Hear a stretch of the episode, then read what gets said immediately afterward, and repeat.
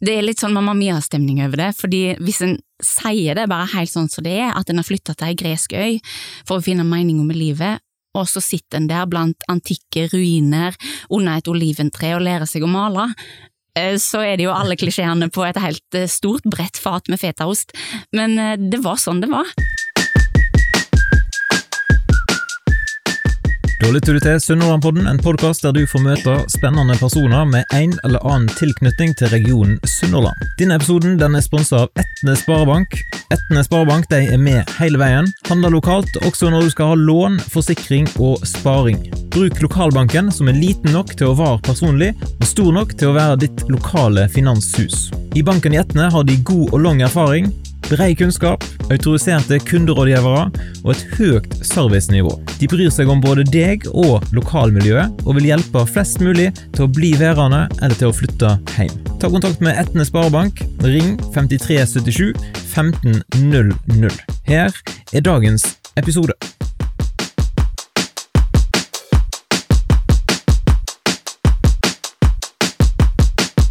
Skapertrang det er noe vi alle kan kjenne på i større eller mindre grad. Jeg liker å skape eksempel denne podkasten her, og gjesten i dag hun skaper ganske masse forskjellig, men først og fremst så har hun skapt seg et liv til å leve i. Velkommen til Sunnmørenpodden, Annelise Grindheim. Tusen hjertelig takk. Hva syns du om introen? Du, den var veldig bra. Jeg har tenkt litt på den, faktisk. jeg hørte det. Sånn er det. Helt kort, da. Hvem er Annelise? Annelise hun er ei dame som har rukket å blitt 35, er Etnesbu, født og oppvokst, og så er jeg Jeg er optimist i hjertet, realist i topplokket, og så er jeg drømmende i sjela. Og så har jeg, jeg blir dreven av en skapertrang, som du jo sa i introen, og det har fulgt meg helt fra jeg var liten, og ført meg ut i den store verden. Og når du var liten, da bodde du i Etne, mm -hmm. og du har beskrevet deg sjøl som et litt sånn sjenert, eh, men kreativt barn. Hvordan, ja. hvordan så glad ut når du sprang rundt i Etne? Jo, jeg var nok en sånn unge som trivdes veldig godt med sånne hobbyaktiviteter. Jeg kunne roe meg lenge med å sitte og tegne og male og perle.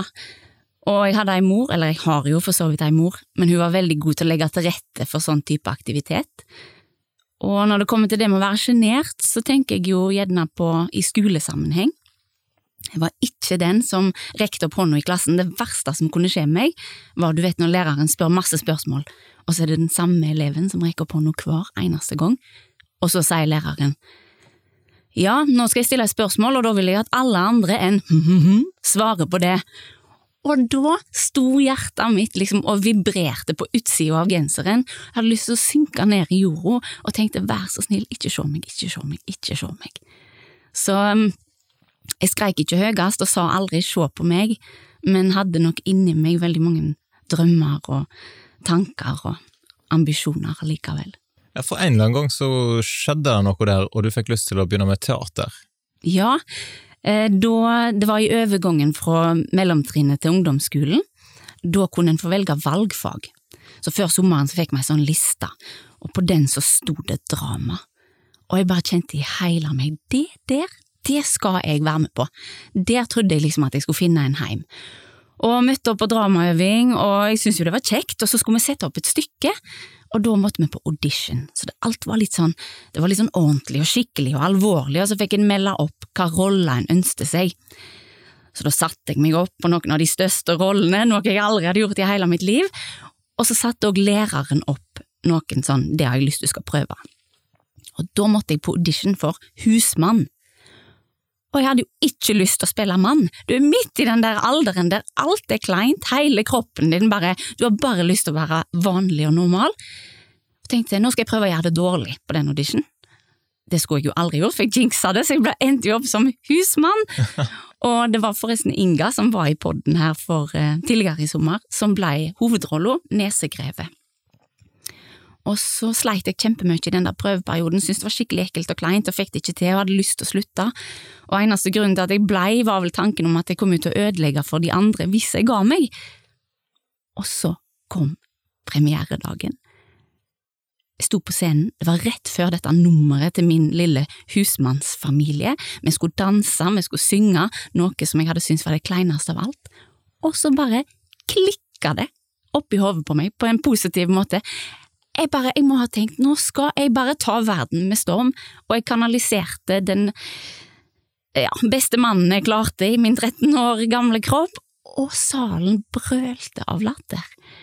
Og dramalæreren som satt på første rad, tårene trilla for det var grein så masse, og der sto jeg og bare tenkte, her har jeg fått til noe.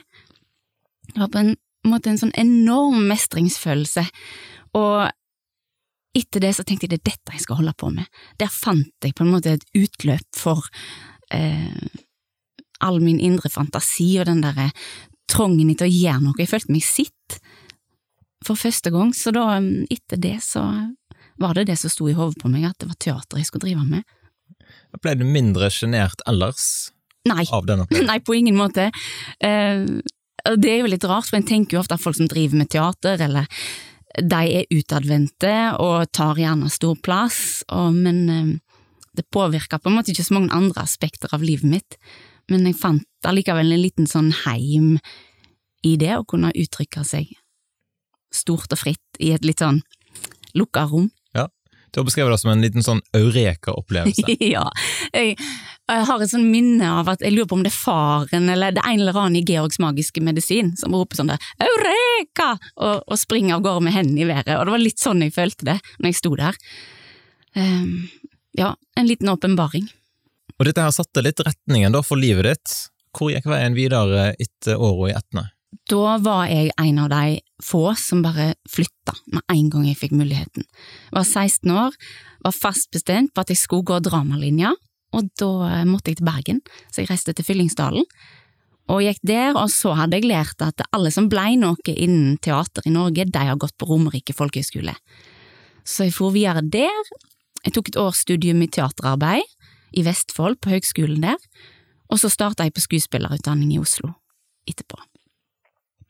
Og ja. ja. Var det noen personer i den tida der som på en måte utmerka seg og betydde noe spesielt for deg?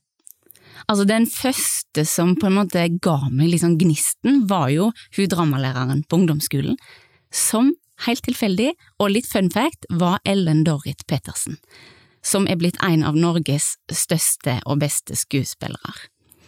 Hun jobba da som, hun utdanna seg som lærer, så jeg hadde henne i norsk, og jeg hadde henne i drama. Så hun fant jeg jo veldig inspirerende da.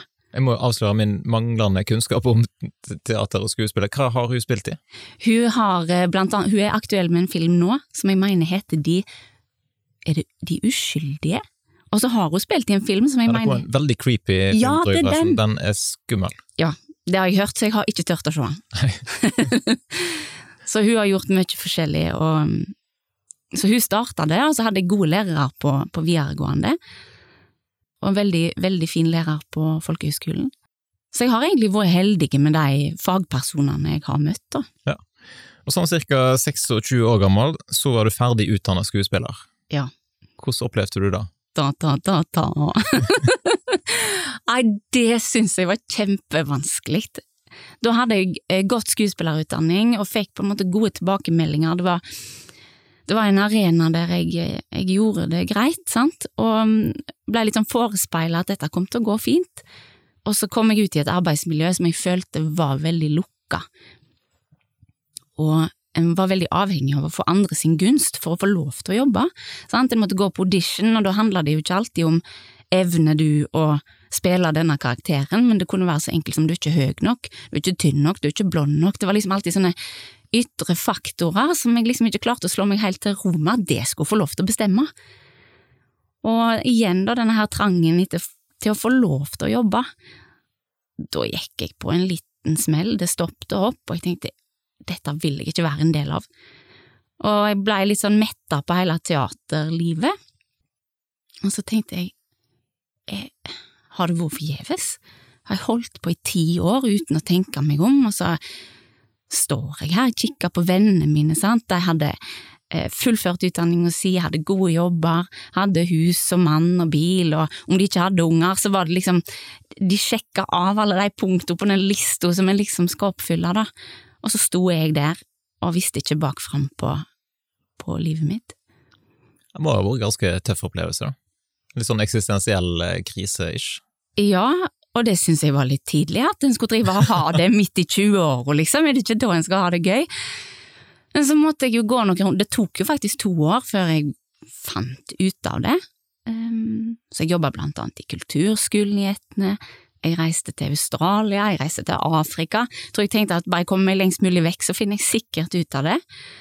Og, Hva gjorde du, var det type ferie, eller nå reiser jeg til Australia for å prøve skuespillerlivet? Nei, nei, nei, da hadde jeg Altså, jeg hadde aldri hatt lyst til å reise til Australia, men så hadde jeg et søskenbarn som da hadde funnet seg en kjæreste i Australia, så hun bodde der.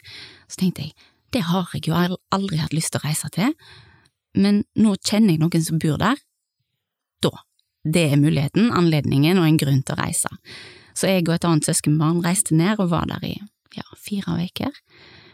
Og så hadde jeg da bestilt meg billett videre derifra, alene, til Afrika.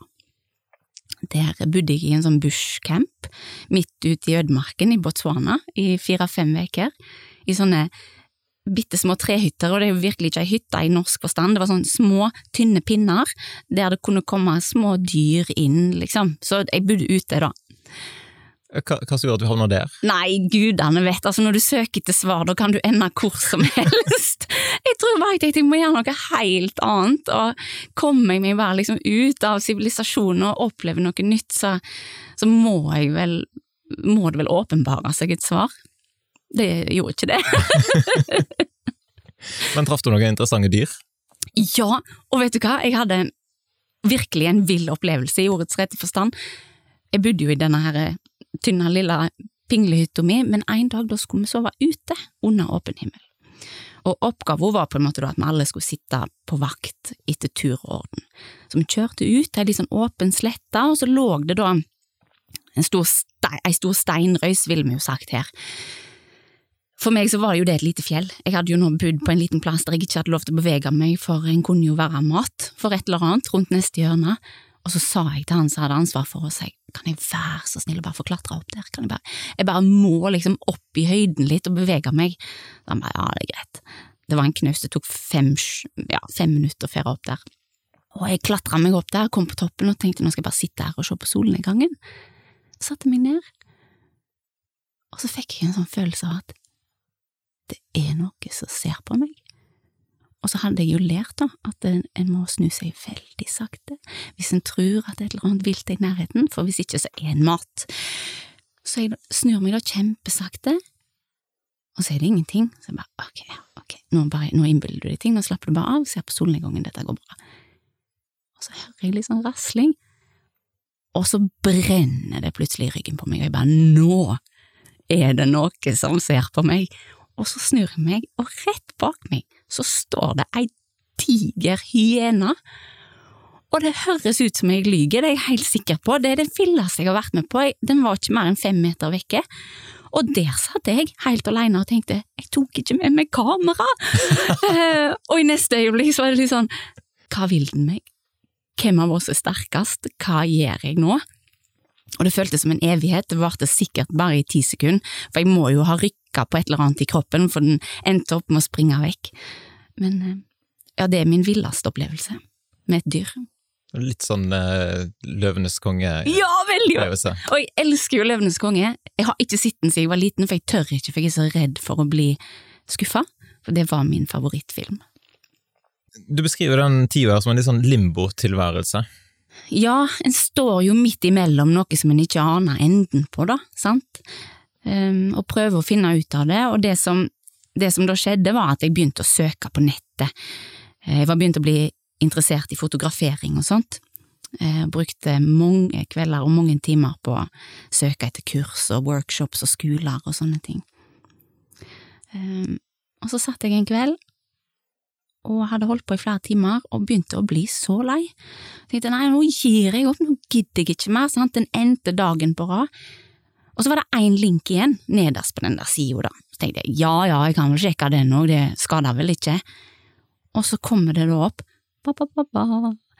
Hellas og Italia, 14 veker, og så var det ramsa opp alle kursene jeg kunne tenke meg å ta, og jeg tenkte inni meg, endelig hadde løst seg, og så i neste sekund så kom vestlendingen i meg fram og tenkte sånn, dette er for godt til å være sant. Så jeg sendte en kjempelang kritisk mail til han som drev skolen og bare, mm, hvordan funker dette, hvordan er dette, er det egentlig sånn? Og så fikk jeg den lengste mailen jeg har fått i mitt liv tilbake, der det sto du er nødt til å søke, vær så snill, send oss en søknad i morgen. Og det gjorde jeg. Og jeg gikk i banken, tok ut alle sparepengene mine, sendte de ned til Hellas og tenkte dette bør være ekte, ellers er jeg skikkelig revkjørt. Satte meg på et fly til Italia. Denne skolen, den er basert på Paros, ei øy i Kykladene nede i Hellas, men hver høst så er de en måned i Italia. Så da føyk jeg til Pisa, tok toget til Firenze, toget til Pistoia, tok en eh, liten taxi da, opp til en villa som jeg hadde fått beskjed om å møte opp ved, Villa Rospigliosi, fra 1600-tallet. Og skolen var ekte, og uh, den holdt det den lovte. Der endte jeg opp med å ta alle fagene de hadde. Det er galskap, det er ingen som gjør det, men jeg jeg hadde jo investert alle sparepengene mine i dette her og tenkte jeg har tre måneder til å finne ut hva jeg skal gjøre med livet. Og um, når de tre månedene var over, så kom de til meg og så sier de du er nødt til å komme igjen. Og jeg bare ja, det har jeg veldig lyst til, men jeg har brukt alle pengene mine på dette, har ikke råd til det. Så de sa nei, men eh, vi finner ut av det. Og så fikk jeg en veldig god rabatt og lånte bitte litt penger, reiste ned et semester til, og var jo nå blitt forelska i maling. Det var det faget jeg tenkte jeg ikke skulle ta, for jeg trodde at jeg ikke kom til å få det til, det så så vanskelig ut. Og så fikk jeg en kjempegod lærer som ble mentoren min og vennen min, eh, og jeg fikk være med på en kjempespennende reise i utviklinga av, av liksom nye teknikker som oppsto i oljemaling, basert på gammel kunnskap. Og det er veldig nerdete, så jeg skal ikke gå mer inn på det, for det er sikkert ikke interessant for mer enn meg og et par få andre. Og så ble jeg der to semester, og så kommer de til meg igjen og sier du er nødt til å komme igjen. Og jeg bare ja, nå har jeg brukt alle sparepengene mine, nå har jeg òg lånt penger, så jeg skylder folk penger. Det, det, går ikke, jeg har lyst, men det går ikke. Og så slutta det en lærer på skolen som underviste i sang, og da åpna det seg opp da ei lomme, så sier de har du lyst til å starte ei teaterlinje her, og undervise i teater? Eh, og jeg, da, som jo hadde reist vekk ifra teatret, og det jeg skulle komme meg lengst mulig vekk ifra, sto jo nå plutselig, da, der teatret på en måte kunne hjelpe meg videre i det nye jeg hadde oppdaga. For i malinga så følte jeg at jeg hadde oppdaga et nytt språk, en ny måte å uttrykke meg på. Så jeg sa ja. Ja, jeg har lyst til det. Og da blei jeg i tre semester til, som lærer, mens jeg da kunne videreutvikle mine nye ferdigheter og få hjelp og veiledning, ja, det var, det var Da løsna det. Det høres jo litt ut som eh, jeg tenker litt sånn Eat, Pray, Love-aktig, ja. eller en eller annen Hollywood-film. Ja, det er litt sånn Mamma Mia-stemning over det, fordi hvis en sier det bare helt sånn som det er, at en har flytta til ei gresk øy for å finne meninga med livet, og så sitter en der blant antikke ruiner under et oliventre og lærer seg å male, Eh, så er det jo alle klisjeene på et helt eh, stort, bredt fat med fetaost, men eh, det var sånn det var. Og det var litt som å gå tilbake i tid, det var en skole som, eller er en skole som, som verdsetter kvalitet, og det at en skal gå inn og lære seg et håndverk. Og ordet håndverk er jo nesten litt giftig i, i, i den norske kunstverdenen, en har nesten ikke lov å bruke det, men, men det er så nyttig å se tilbake og se hva de har gjort, og lære av det, og ta med seg alle disse verktøyene i verktøykassen sin. Um, og så er det så deilig å vite at livet kan løsne når du er, ja, selv om du nærmer deg 30, så kan du lære deg nye ting, du kan, ja, du kan lære deg nye ting hele veien. Nå sitter jeg og sier sikkert en del som lytter som tenker at hva var navnet på den skolen igjen? Jeg kunne tenke meg et, et par, Ja, dere må reise der, alle sammen! Fy søren! Den heter The Aegean Center for the Fine Arts. Og der, i hvert fall når jeg gikk der, nå har de forandra studieopplegget litt, men sant, det første semesteret mitt, når jeg var galskapen sjøl og tok alt, da hadde de altså da maling, basic drawing, figure drawing, fotografering, printmaking, bookmaking, litteratur, dikt, altså det var alt sang, eh, så en kunne få påfyll av akkurat, en, akkurat alt det en trenger. tror du må sende meg lenken, sånn at jeg Ja, kan legge inn i beskrivelsen, til, sånn, i tilfelle folk ikke klarer å google seg fram til Ja, det. plutselig så stikker halve Sunnhordland til Paros. Der kan det blitt god stemning. Ja. Sånn sett. Men da man begynner å studere igjen på nytt, da, hvordan opplevde du da? Var det, var det bedre å studere gang nummer to enn eh, nummer én? Ja, definitivt. Og jeg har, jeg har alltid vært skoleflink, men jeg har aldri vært skoleglad, hvis du skjønner. Litt sånn det der forslitte uttrykket flink pike. Altså, jeg, jeg pugga og pugga og pugga og fikk gode svar på prøvene mine, altså, men jeg, jeg trivdes kanskje ikke så godt i skolesystemet. Men når, da, når jeg reiste til utlandet, og plutselig så sto jeg i Italia, og vi reiste fra by til by, jeg fikk se det ypperste av det som er skapt i kunstverden, med mindre en ser vekk fra antikken, da. Eh, Det var bare, det var så sjukt mange inntrykk, og jeg bestemte meg for å være en menneskelig svamp. Jeg bare, jeg, må ta inn alt. Og det blei helt annerledes, fordi at det var, så, det var så taktilt, på en måte. Du sto midt i det, du opplevde det, og så prøvde du å prosessere den eh, informasjonen og kunnskapen gjennom klassene du tok, så det hang så veldig sammen. Det ga så mening. Ja. Jeg tenker du må ha fått eh, seriøst med studielån etter hvert der, eller var det Ja, altså, jeg hadde jo litt studielån eh, før, altså skuespillerutdanning og dette her, det opparbeider seg jo studielån av, men ikke nede i Hellas. Det, ikke, det er jo ikke en skole som er støtta eh, av studielånordningen, så der var jeg jo veldig heldig da, med at jeg, ja, på første semesteret mitt så fikk jeg en rabatt, så brukte jeg det jeg hadde oppspart. Andre gang så fikk jeg en kjemperabatt, og de andre gangene fikk jeg jo lønn, for da jobba jeg jo. Ja, sant. Men da tok du rett og slett ut alle pengene dine av Etnes Sparebank. Ja, det gjorde jeg. Det er egentlig litt dumt, siden de er sponsorer for, for podden her, men eh, men sats på at du har satt inn noen penger. Ja, men altså nå har jeg lån hos Etnes Sparebank, Sant, så de blir aldri kvitt meg. Men etter hvert så flytter du tilbake igjen til Norge. Hva som gjorde at du ikke ble varende i Hellas? Mm. Var, jeg var der jo i to og et halvt år, og etter en stund så kjente jeg vel på det at nå trenger jeg å komme meg videre. Altså da, bare det å prøve å male på egen hånd, uten å få veiledning og hjelp, sant. Jeg begynte òg å savne Norge, og så vel ikke helt for meg at jeg skulle bli buende på denne øya. Eh, Den har en kjempestor plass i hjertet mitt, og jeg reiser med glede tilbake, men jeg kjente på at det ikke er her jeg skal bo. Så da kom jeg hjem, og da endte jeg jo i samme situasjon som mange år tidligere. Ja, nå er jeg på en måte utdanna i noe nytt, og her står jeg med ny kunnskap, men hva i alle dager gjør jeg med den? Sånn, så igjen så sto jeg litt sånn og tenkte ja ja, der var alle vennene mine, ja, holder på med sånne ting som en skal. Så da var jeg blitt 31, og tenkte er jeg for gammel til å søke sommerjobb? Altså, for det begynte jo å nærme seg sommer, og så fant jeg ut at det er jo det jeg må gjøre. Og da um, tenkte jeg, hva har jeg lyst til? Hvor har jeg lyst til å reise? Hvor er det jeg ikke har vært? Og tenkte Nord-Norge har jeg alltid hatt lyst til å reise til. Har aldri liksom hatt noen grunn, eller hvis jeg får meg jobb der, det er en kjempegod anledning. Så da søkte jeg på alt mulig, og endte opp med å få jobb på Hamsunsenteret. Skulle være der i to måneder. Eh, omregistrerte et gammelt vrak av en Opel Safira som pappa hadde, som han egentlig da skulle pante, og stappa den full av alt jeg eide og kjørte nordover. Jeg visste vel kanskje inni meg at det kom til å bli lenger enn to måneder, og det stemte jo, for jeg blei der òg i to og et halvt år, og jobba som litteraturformidler på Hamsunsenteret. Hvor hen i Nord-Norge er det det ligger? Det ligger i Nordland, eh, på Hamarøy, og Hamarøy kommune, der som jeg bodde, da ser du på en måte rett over til Lofoten. Du ser Lofotveggen. Helt vilt vakker natur. Um, Nei, det var, det var jo òg et lite eventyr å komme opp der, og midt i denne her ville naturen så står dette skakka og rare museet, som eh, jo på en måte skal fylle og romme og dekke et, eh, et kontroversielt kunstnerskap. Så der, eh, der lærte jeg kjempemye, og fikk jo bruke teaterkompetansen min på en litt ny måte. Jeg har alltid vært glad i tekst, men der møtte jeg jo folk som jobber med tekst på en helt annen måte enn meg.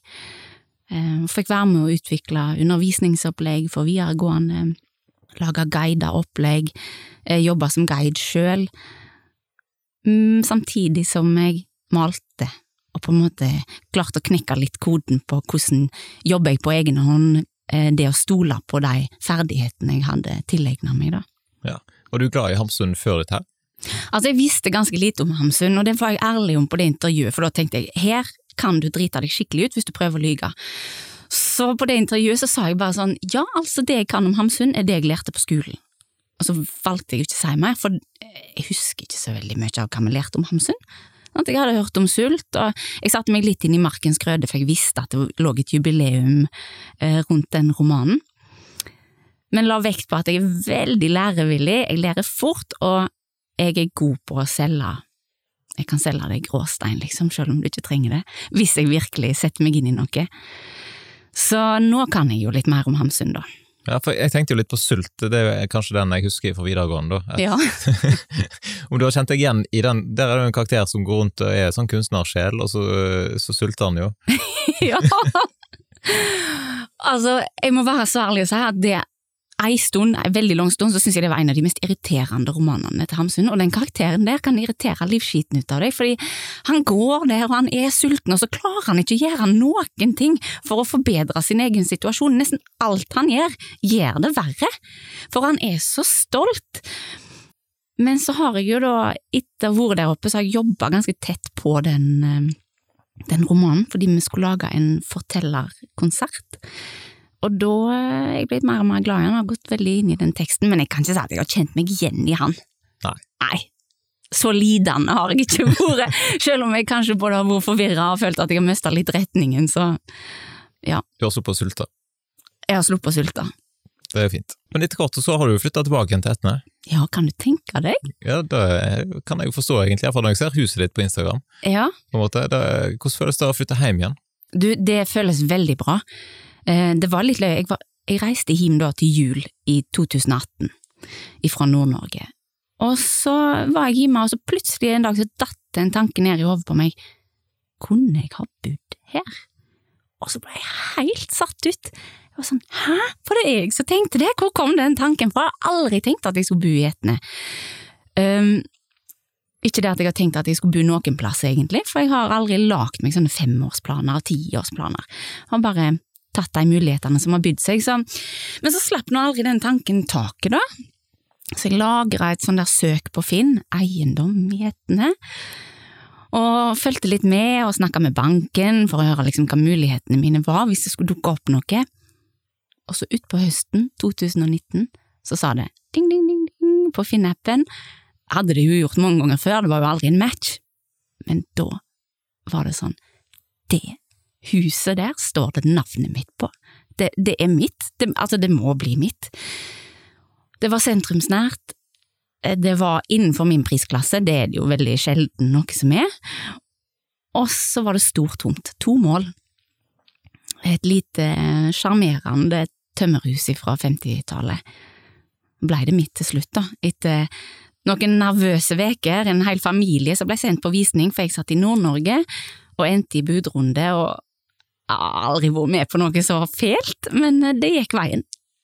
Du sa ikke det til megleren, liksom, at det her, dette huset står det navnet mitt på? Nei, jeg sa ikke det, men jeg ringte jo, var liksom, sikkert litt for ivrig i min Ja, jeg viste litt for harde interesser der, da, så han visste jo det, at jeg hadde lyst på det. Men det ser jo som sagt veldig koselig ut, da. Ja, det er koselig. Det er absolutt Jeg skal være ærlig og si at når jeg troppa opp der og skulle overtale, så var det ikke helt sånn som jeg hadde sittet på bildene, og jeg tenkte, jeg hadde jo tenkt at Så du kjøpte det uten å ha sittet? Ja. ja, ja. Ja, jeg bare sendte familien min og sa dere må bare sjekke at liksom, kan jeg bo der, er det, er det levelig, kan jeg gjøre det fint? Og så eh, hadde jeg tenkt at jeg kan bare male litt på disse her, dette gamle panelet på veggen, og det går fint. Og så var det blitt brukt som et feriehus i hvert fall over 30 år, så det var tatt litt kjappe løsninger, og de hadde nok ikke vært så nøye på at alt var sånn helt på stell, så jeg har egentlig bare skrelt vekk lag på lag med panel og tapet og lim og spiker for å komme tilbake til tømmerro, da. Prøver jeg å beholde det litt sånn, litt den gamle skjermen. Den store hagen, da, har du, har du gjort masse der? Ja, altså, den store hagen, den på framsida av huset, det som på en måte vender mot E134, der hadde de vært veldig nøye med å plante prydbusker, og de hadde liksom kløpt i litt sånne løgne fasonger og sånt.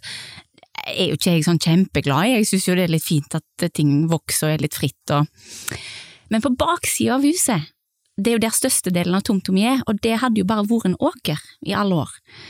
Så nå er jo prosjektet å gjøre åkeren om til hage, og jeg har stått opp ned og spadd og hakka og flytta på stein og lagt meg bed, og det er liksom Det er et liv, det er evighetsprosjekt, tror jeg og driver og leker hobbygartner og ser hva jeg kan få til å vokse og gro, og synes det er veldig spennende.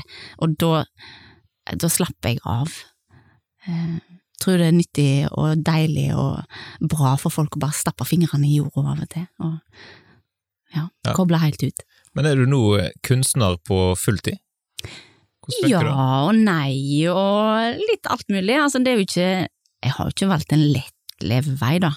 Det var en som sa til meg en gang, det var etter jeg på en måte hadde skifta litt ifra teater, sa han du velger nå bare sånne ting der en ikke får jobb. men eh, ja, jeg lever jo som kunstner, men jeg tar ekstravakter hvis jeg trenger det. Og nå har jeg jo på en måte forplikta meg litt når jeg har kjøpt meg et hus. Da er det regninger og faste utgifter og ja, alt mulig som skal betjenes. Ja, da Ekstravakt som Nei, da kan det være i barnehage, for eksempel. Jeg har også tatt noen ekstravakter på butikkene i bygda, så jeg har alltid tenkt at en skal ikke være for stolt for å ta seg en jobb, hvis en trenger det. Men du maler jo ganske masse. Mm. Er det lett å selge kunst? Veldig godt spørsmål. Ja, altså hvis en treffer de rette folk, og det er jo noe med at et, et maleri er jo en investering, sånn, så det må på en måte treffe den rette kjøperen. Så driver jeg jo og lager litt mindre trykk, og de er jo mye enklere å selge, sant? for det er sånn som folk plukker opp hvis de trenger en bursdagspresang, en hilsen til noen. Så jeg prøver å ha et litt sånn variert utvalg både i pris og størrelse, sånn at alle har muligheten til å plukke med seg noe når de kommer innom, da. Ja, for det, Selger du ut av huset ditt, eller har du en type butikk? Ja, nå gjør jeg det. Drømmen er jo å ha et atelier, et eget et, men nå er det i huset mitt. Men så er jeg jo med på et prosjekt nå, da, i Etne.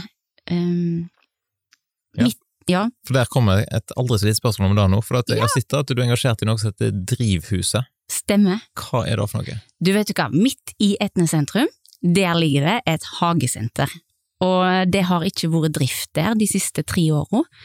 Så nå er vi ni kreative sjeler som har gått i lag. Vi skal leie dette lokalet. Og tanken er nå, og det er det arbeidet vi holder på med, som vi begynte å reklamere litt for i sosiale medier, at vi skal sette det i stand, vi skal lage en felles verkstad. Så ene delen skal være en verkstad, så skal vi ha en del der alle får sin egen lille sånn arbeidsbås. Vi skal ha butikk der vi selger de tingene vi produserer, og en kafékrok der folk kan kjøpe seg kaffe og vafler og litt sånn enkel, enkel servering. Og så har vi jo et kjempeflott uteområde, så vi har jo lyst til å skape en arena som blir en møteplass, en litt sånn frodig oase, hjertet av Etne sentrum, da. Så det er spennende, og vi har eh, satt åpningsdatoen til 22. oktober. Og jeg liker jo ofte å si sånn at en har ikke dårlig tid her i livet, en må slutte å si det. Men jeg ser jo at tida går veldig fort nå, da, så eh, Det er greit for deg klart det er liksom julehandelen, kanskje? Ja, det er bra. Det er det vi, den må vi få med oss. Men eh, et kunstnerfellesskap, Mm -hmm. Er det åpent for flere, på en måte, hvis det sitter noen andre i nærheten av Etne som tenker at da hadde det vært gøy å være med på? Ja, da syns jeg at de skal kontakte oss, og få litt mer informasjon om prosjektet og hva det er, og vi ja, vi er ja. åpne for det. Det er en egen Instagram-konto? Ja. Så dere hadde dugnad her forleden? Ja, i går hadde vi dugnad. Vi jobber hver mandag, er fast dag, og så stikker folk innom når de har muligheten ellers. Og i går hadde vi traktorhjelp, så da fikk vi på en måte gjort ganske mye ute. Får dere noen tilbakemeldinger fra folk i bygda? Hva tenker de om at hagesenteret skal bli kunstsenter? De elsker det, og det er det som er så gøy. Vi har fått bare positive tilbakemeldinger. De fleste har jo syntes at det har vært kjempetrist at det lokale har stått tomt. Og vi er jo såpass mange kreative folk som, som, jobber profesjonelt med den tingen vi holder på med, så det å kunne samle alle oss under ett tak vil jo òg gjøre det enklere for folk. Det er masse enklere for de å stikke innom der en lørdag når de allerede er og handler, enn å melde meg og komme hjem til meg privat. Så mm, da senker vi terskelen litt, og så er det jo en styrke i å samarbeide, tenker jeg. Vi vil jo på en måte ja, dra nytte av hverandre. Det gleder jeg meg veldig til. Det må jo bli veldig eh, bra å få starte opp, da. Ja, der må du komme! Ja, Det er bare til å invitere. Til- Ja, du er invitert. ja. Herved. Yes, nei, men eh, jeg tenkte på eh, teateropplegget ditt, på en måte, får du noe utløp for det nå? Ja, altså det jeg har lært er jo at eh, alle kunstformer snakker jo veldig godt sammen, så jeg har jo jobba ganske tverrfaglig nå de siste åra, både med teater og, og maling, og så ser jeg at de farger over på hverandre. Det er litt sånn samme språk, bare litt forskjellig måte å uttrykke det på. Akkurat nå så gjør jeg vel ingenting teater, nå måtte jeg faktisk tenke meg om, men eh, jeg er ikke fremmed for det så lenge prosjektet på en måte er rett. Jeg har jo merka at jeg liker å jobbe eh, lite, konseptuelt, og med fokus på å fortelle en god historie. Så eh, med den rette historien, så. Tidligere så hadde jeg egentlig tenkt jeg skulle spørre noe om kongen fra Etne. Ja. Den har ikke vært innom, men, eh, for der hoppet vi litt forbi den. Men eh, du må fortelle litt om hva, hva var det for noe? Kongen, kongen meg. Nå burde jeg ha lest meg litt opp igjen, for det er lenge siden jeg jobba med dette, men eh, alle som er fra Sunnhordland vet vel det, at en gang i tida så kom kongen fra Norge, nei, kongen i Norge fra Etne. Eh, Magnus Erlingsson ble vel krona til kongen da han var sånn fem, eller? plutselig fortrengt deg fra Ja, du hadde det? Nei, hvor skam deg! Ja, så er det jo Erling Skakke da, som blir snakka mye om, som er far til denne gutten. Og en gang i tida så ble det skrevet et sågespill som heter Kongen ifra Etne. Og for noen år siden, når jeg sto midt i limboland og ikke visste hva jeg skulle, så passet det seg sånn at det var 850-årsjubileum for Stølekirka, som Erling Skakke bygde, den gamle delen av den. Og da ville de sette opp sågespillet på nytt, um, og ville ha meg med på laget, og det sa jeg ja til, men jeg syns manuset var litt tungrodd, og, og hadde gjerne lyst til å bearbeide det litt, og eh, kna det, gjøre det litt strammere.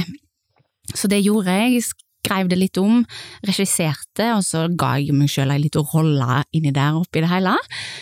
Og det framførte vi en gang i kirka i Etne, og så hadde vi ei visning på Skakkesenteret. Så det, Etne har jo en veldig spennende historie, da, som går langt tilbake, så vi får være stolt av den. Ja, Det er viktig å få inn litt sånn uh, allmennkunnskap. Patriotisme.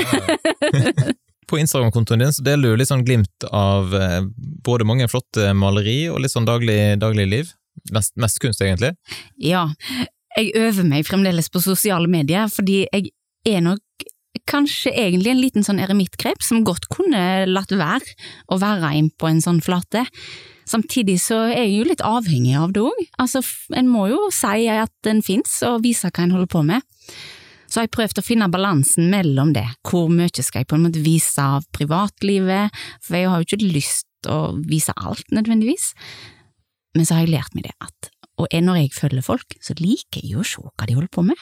Liker jo å vite hva maling de har på veggene sine, og hva de driver på med i hagen, og så liksom senker terskelen litt, så jeg har bestemt meg for at den feeden, der skal jeg på en måte poste eh, kunst og de tingene jeg lager, og så i historien min så deler jeg litt sånn, hva jeg holder på med i dagliglivet, da. Jeg så at du lagde noe sånn bestillingsverk. Ja. Det, hvordan funker det? Det funker sånn at eh, folk kommer til meg og så sier de sånn, ja du skjønner det at far min han blir 70, og så lurte vi litt på å kjøpe et bilde. Og så har de da kanskje sett for seg et motiv, eh, en størrelse, eller de har et budsjett å forholde seg til, og så mm, har vi en dialog på det og finner ut av det, og så maler jeg det bildet, da. Ja. Mhm. Eh, Ludvig fra Flåklypa er et motiv som har gått igjen et par ganger. Ja, Hva kommer det av? Nei, du, han er jo en veldig kul karakter. Eh, Det kommer av det at jeg malte vel han i fjor. Det var rett etter på en måte koronaen hadde truffet oss, og alle var blitt sånn kjempebekymra, vi låste oss liksom inn bak dørene våre, og så kom jeg til å tenke på han, nå er vi alle sammen litt sånn som Ludvig, åh, farlig det, sant? Eh, og så likte jo folk det, så det, det bildet forsvant jo med en gang. Og så fikk jeg en ny bestilling på Ludvig nå i høst. Så tenkte jeg ja, det kan jeg godt gjøre. Så han er, han er en folkekjær type som resonnerer så mange, tror jeg. Ja, definitivt. Men eh, han er jo en fugl, jeg skjønner? Er Ludvig? Ja, Nei, Ludvig han Nei, ja, ja. er et pinnsvin, og så er det Solan, han er ei skjære. Stemmer. For da, da, Overgangen var egentlig at for du er veldig glad i fugler. ja, det smart overgang. Ja, jeg er veldig glad i Det fugler. hadde vært veldig smart hvis det hadde funka.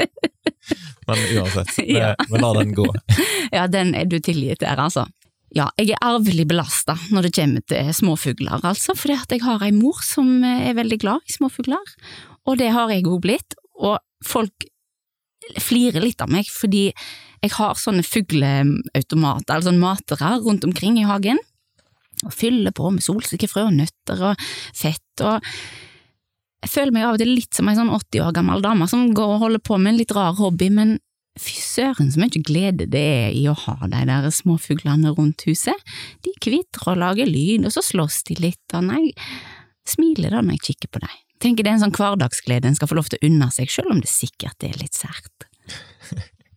Hvis du kombinerer det med en hel gjeng med katter òg, Nei, nei, nei, nei, jeg vil ikke ha på meg noen sånn crazy cat lady, jeg har ingen katter! det går ikke. Nei, der går grensa. ja, det får holde, holde med sånne fugler som er ute. Høres lurt ut. Ja. Men når du da ser tilbake igjen da, på veien som du har gått ifra teaterutdanning og opp gjennom, på en måte, Mm. tenker du noen gang at alt dette teatergreiene da var bortkasta? Nei, på ingen måte. Det er jo, og det er jo det som er så deilig, og det jeg har innsett, er at det er jo teateret som har gitt meg alle mulighetene jeg har fått etterpå. Jeg hadde jo aldri blitt i Hellas så lenge hvis ikke det var for at jeg hadde en kompetanse de ville ha. Jeg hadde jo aldri fått jobb på Hamsunsenteret uten teaterutdanninga mi. Da hadde jeg ikke fått sjansen til å male, bo billig, eh, legge meg opp egenkapital. Altså, det er så mange sånne Jeg tenker at det er aldri, det er aldri forgjeves, og det, du får alltid bruk for erfaringene dine. Så det er det lureste jeg har gjort, det. Så har du skrevet at ting ordner seg om en ikke gir opp. Ja. Da lurte jeg på, var du noen gang på en måte på nippen til å gi opp? Ja, hele tida. altså, jeg vet ikke, det, jeg tror ikke jeg er aleine der, men det er jo ikke lett, da. Dette livet, uansett hva en holder på med, sant, det er jo Vi kommer alle til punkt der en tenker sånn, vet du hva, nå orker jeg ikke mer, eller der en bare skulle ønske at kan det ikke være litt enklere, hvorfor skal en alltid måtte streve så veldig? Så selvfølgelig har jeg hatt mange øyeblikk der jeg tenker sånn, nå Nei, nå må jeg bare bli noe annet. Jeg har mange ganger tenkt jeg skulle ønske jeg hadde hatt lyst til å bli liksom elektriker, eller bare noe sånn solid og håndfast. Men jeg har jo ikke hatt lyst til det, da, så da har ikke blitt det. Men dette med å skape seg et liv som det går an å leve i, da, hva, hva legger det, eller hva betyr det for deg? Mm, det betyr Veldig mange kommer til meg og sier du er så kreativ, du, jeg jeg er liksom ikke kreativ i det hele tatt, jeg kan ingenting, eller Nei. Og det mener jo jeg er tull. Jeg mener jo at vi i utgangspunktet alle er skapt kreative, og med en skapertrang. Det er det som skiller oss ifra alt annet. Og med det å skape seg et liv en kan leve i, så ligger det at jeg tror kreativiteten vår kommer til uttrykk når en begynner å nærme seg noe av det en elsker å holde på med. Om det da i mitt tilfelle er, er å uttrykke meg på et lerret, så kan det for noen andre være å lage mat, eller mekke bil, eller bygge Lego, eller strikke, eller altså, da, når det knitrer litt grann inni deg, liksom, eh, og klarer en å forene det, det en liker å drive med som gir en næring, i lag med, med hverdagslivet, at de to kan møtes litt, og en kanskje kan finne det i en jobb eller et yrke, da begynner en å snakke om et liv en kan leve i, kanskje et liv der en ikke går og bare lengter etter at det skal bli helg, sant? Um, Ja, for da blir det stusslig.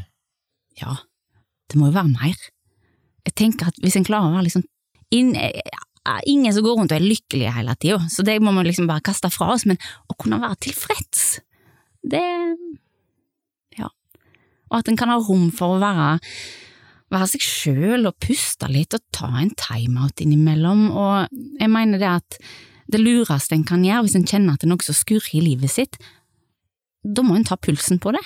Hva er det som foregår, hva er det som, som mangler, hva kan jeg gjøre med det?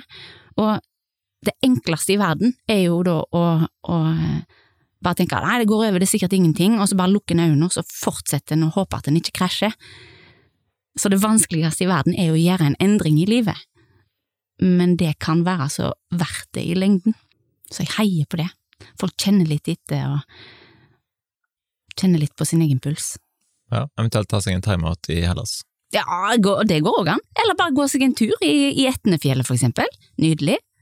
Når du da ser framover, da, hva gleder du deg mest til? Og nå gleder jeg meg jo veldig til dette drivhuset, å få det opp og gå og treffe folk og på en måte vise hva vi har holdt på med. Og så syns jo jeg sånn generelt at eh, framtida, den må jo bli bra, den. Det er kanskje mye spennende, jeg aner ikke hva som venter meg der, men eh, hvis en er åpen for mulighetene, så skjer det bra ting. Og sjenertheten, hvor har den blitt av? Jeg har den, men nå, du vet det at jeg er som en sirkushest. Det er noe en lærer litt når en driver med teater, og det, da kan en, da skrur jeg på. Sant? Så nå er jeg her med deg, og bare tenker liksom at det, nå, nå må jeg levere, sant. Jeg kan fremdeles være sjenert. Jeg har eh, Hvis jeg sitter i en helt ny gruppe med folk, sant, og så skal en gå runden, alle skal si noe om seg sjøl, jeg blir dritnervøs, og stemmer liksom skjelver litt, og jeg tenker nå ser alle at jeg er kjempenervøs. Eh, Så det er ikke vekke, men jeg klarer kanskje i større grad å kontrollere det. Iallfall når det trengs. Da tror jeg at vi bare ønsker lykke til videre med alt det som du skal skape i Etne. Tusen takk! Og takk for at du tok turen helt inn her til, til studio på Stord. Jo, tusen takk for at jeg fikk komme. Og, sånn. og så håper vi da at folk som lytter, får lyst til å ta turen til eh, Drivhuset i Etne i eh, oktober. Var det Ja. 21. du sa? Det var fredag 22., 22. og ellers får de kommer 21., så kan du slå opp telt, og så kan du være først i Kan du stå i kø? Ja, det kan du. Men eh, 22., rett og slett. Supert, lykke til! Og et lite tips til slutt, du bør jo selvfølgelig slå følge med Annelise Grindheim på Instagram. Da søker du opp eh, annelisegrindheim.art, så finner du Instagram-profilen hennes, og så kan du bli både inspirert og fascinert av alt det flotte som hun skaper og deler på Instagram. Tusen takk. Takk for at du lytter til Sunnmørenpodden. Vi setter stor pris på tilbakemelding. Helst til de som har vært med i episoden. Send dem en melding, si hva du syns. Og send også gjerne en melding til meg. Gi meg tips på hvem du ønsker å ha med i podden framover. Husk da at eh, i dag så var episoden sponset av Etne Sparebank. Etne Sparebank de er med hele veien. Handler lokalt og når du skal ha lån, forsikring og sparing. Så bruk lokalbanken, som er liten nok til å være personlig og stor nok til å være ditt lokale finanshus. I banken i så har de god og lang erfaring, bred kunnskap, autoriserte kunderådgivere og et høyt servicenivå. De bryr seg om både deg og lokalmiljøet, og vil hjelpe flest mulig til å bli værende eller til å flytte hjem. Ta kontakt med Etne Sparebank, ring 53 77 15 00. Og Har din bedrift lyst til å være sponsor av Sunnmørenpodden framover, så er det bare til å ta kontakt, så kan vi se hva vi kan få til. Da ønsker jeg deg en fin dag, og så poddes vi jo plutselig igjen.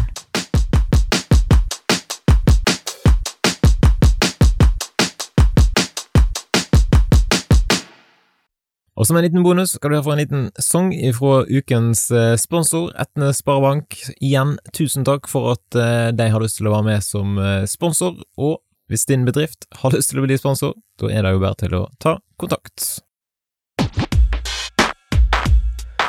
Velkommen til Alito bygg på Vestlandet. Etne er navnet, det beste at du kan. Er midt i gata, ja, der ligger banken vår. Fine og kjekke og 150 år. Skal du kjøpe bil, bygge funky hus. Vil du spare penger til det du vil? Trenger du et faen, forsikre det du eier. Og ha banken på din mobil. Etne Sparebank Er med deg hele veien. Etne Sparebank Passe liten, passe stor. Etne Sparebank Sparebank Passe liten, passe stor Jente eller gutt, dame eller mann.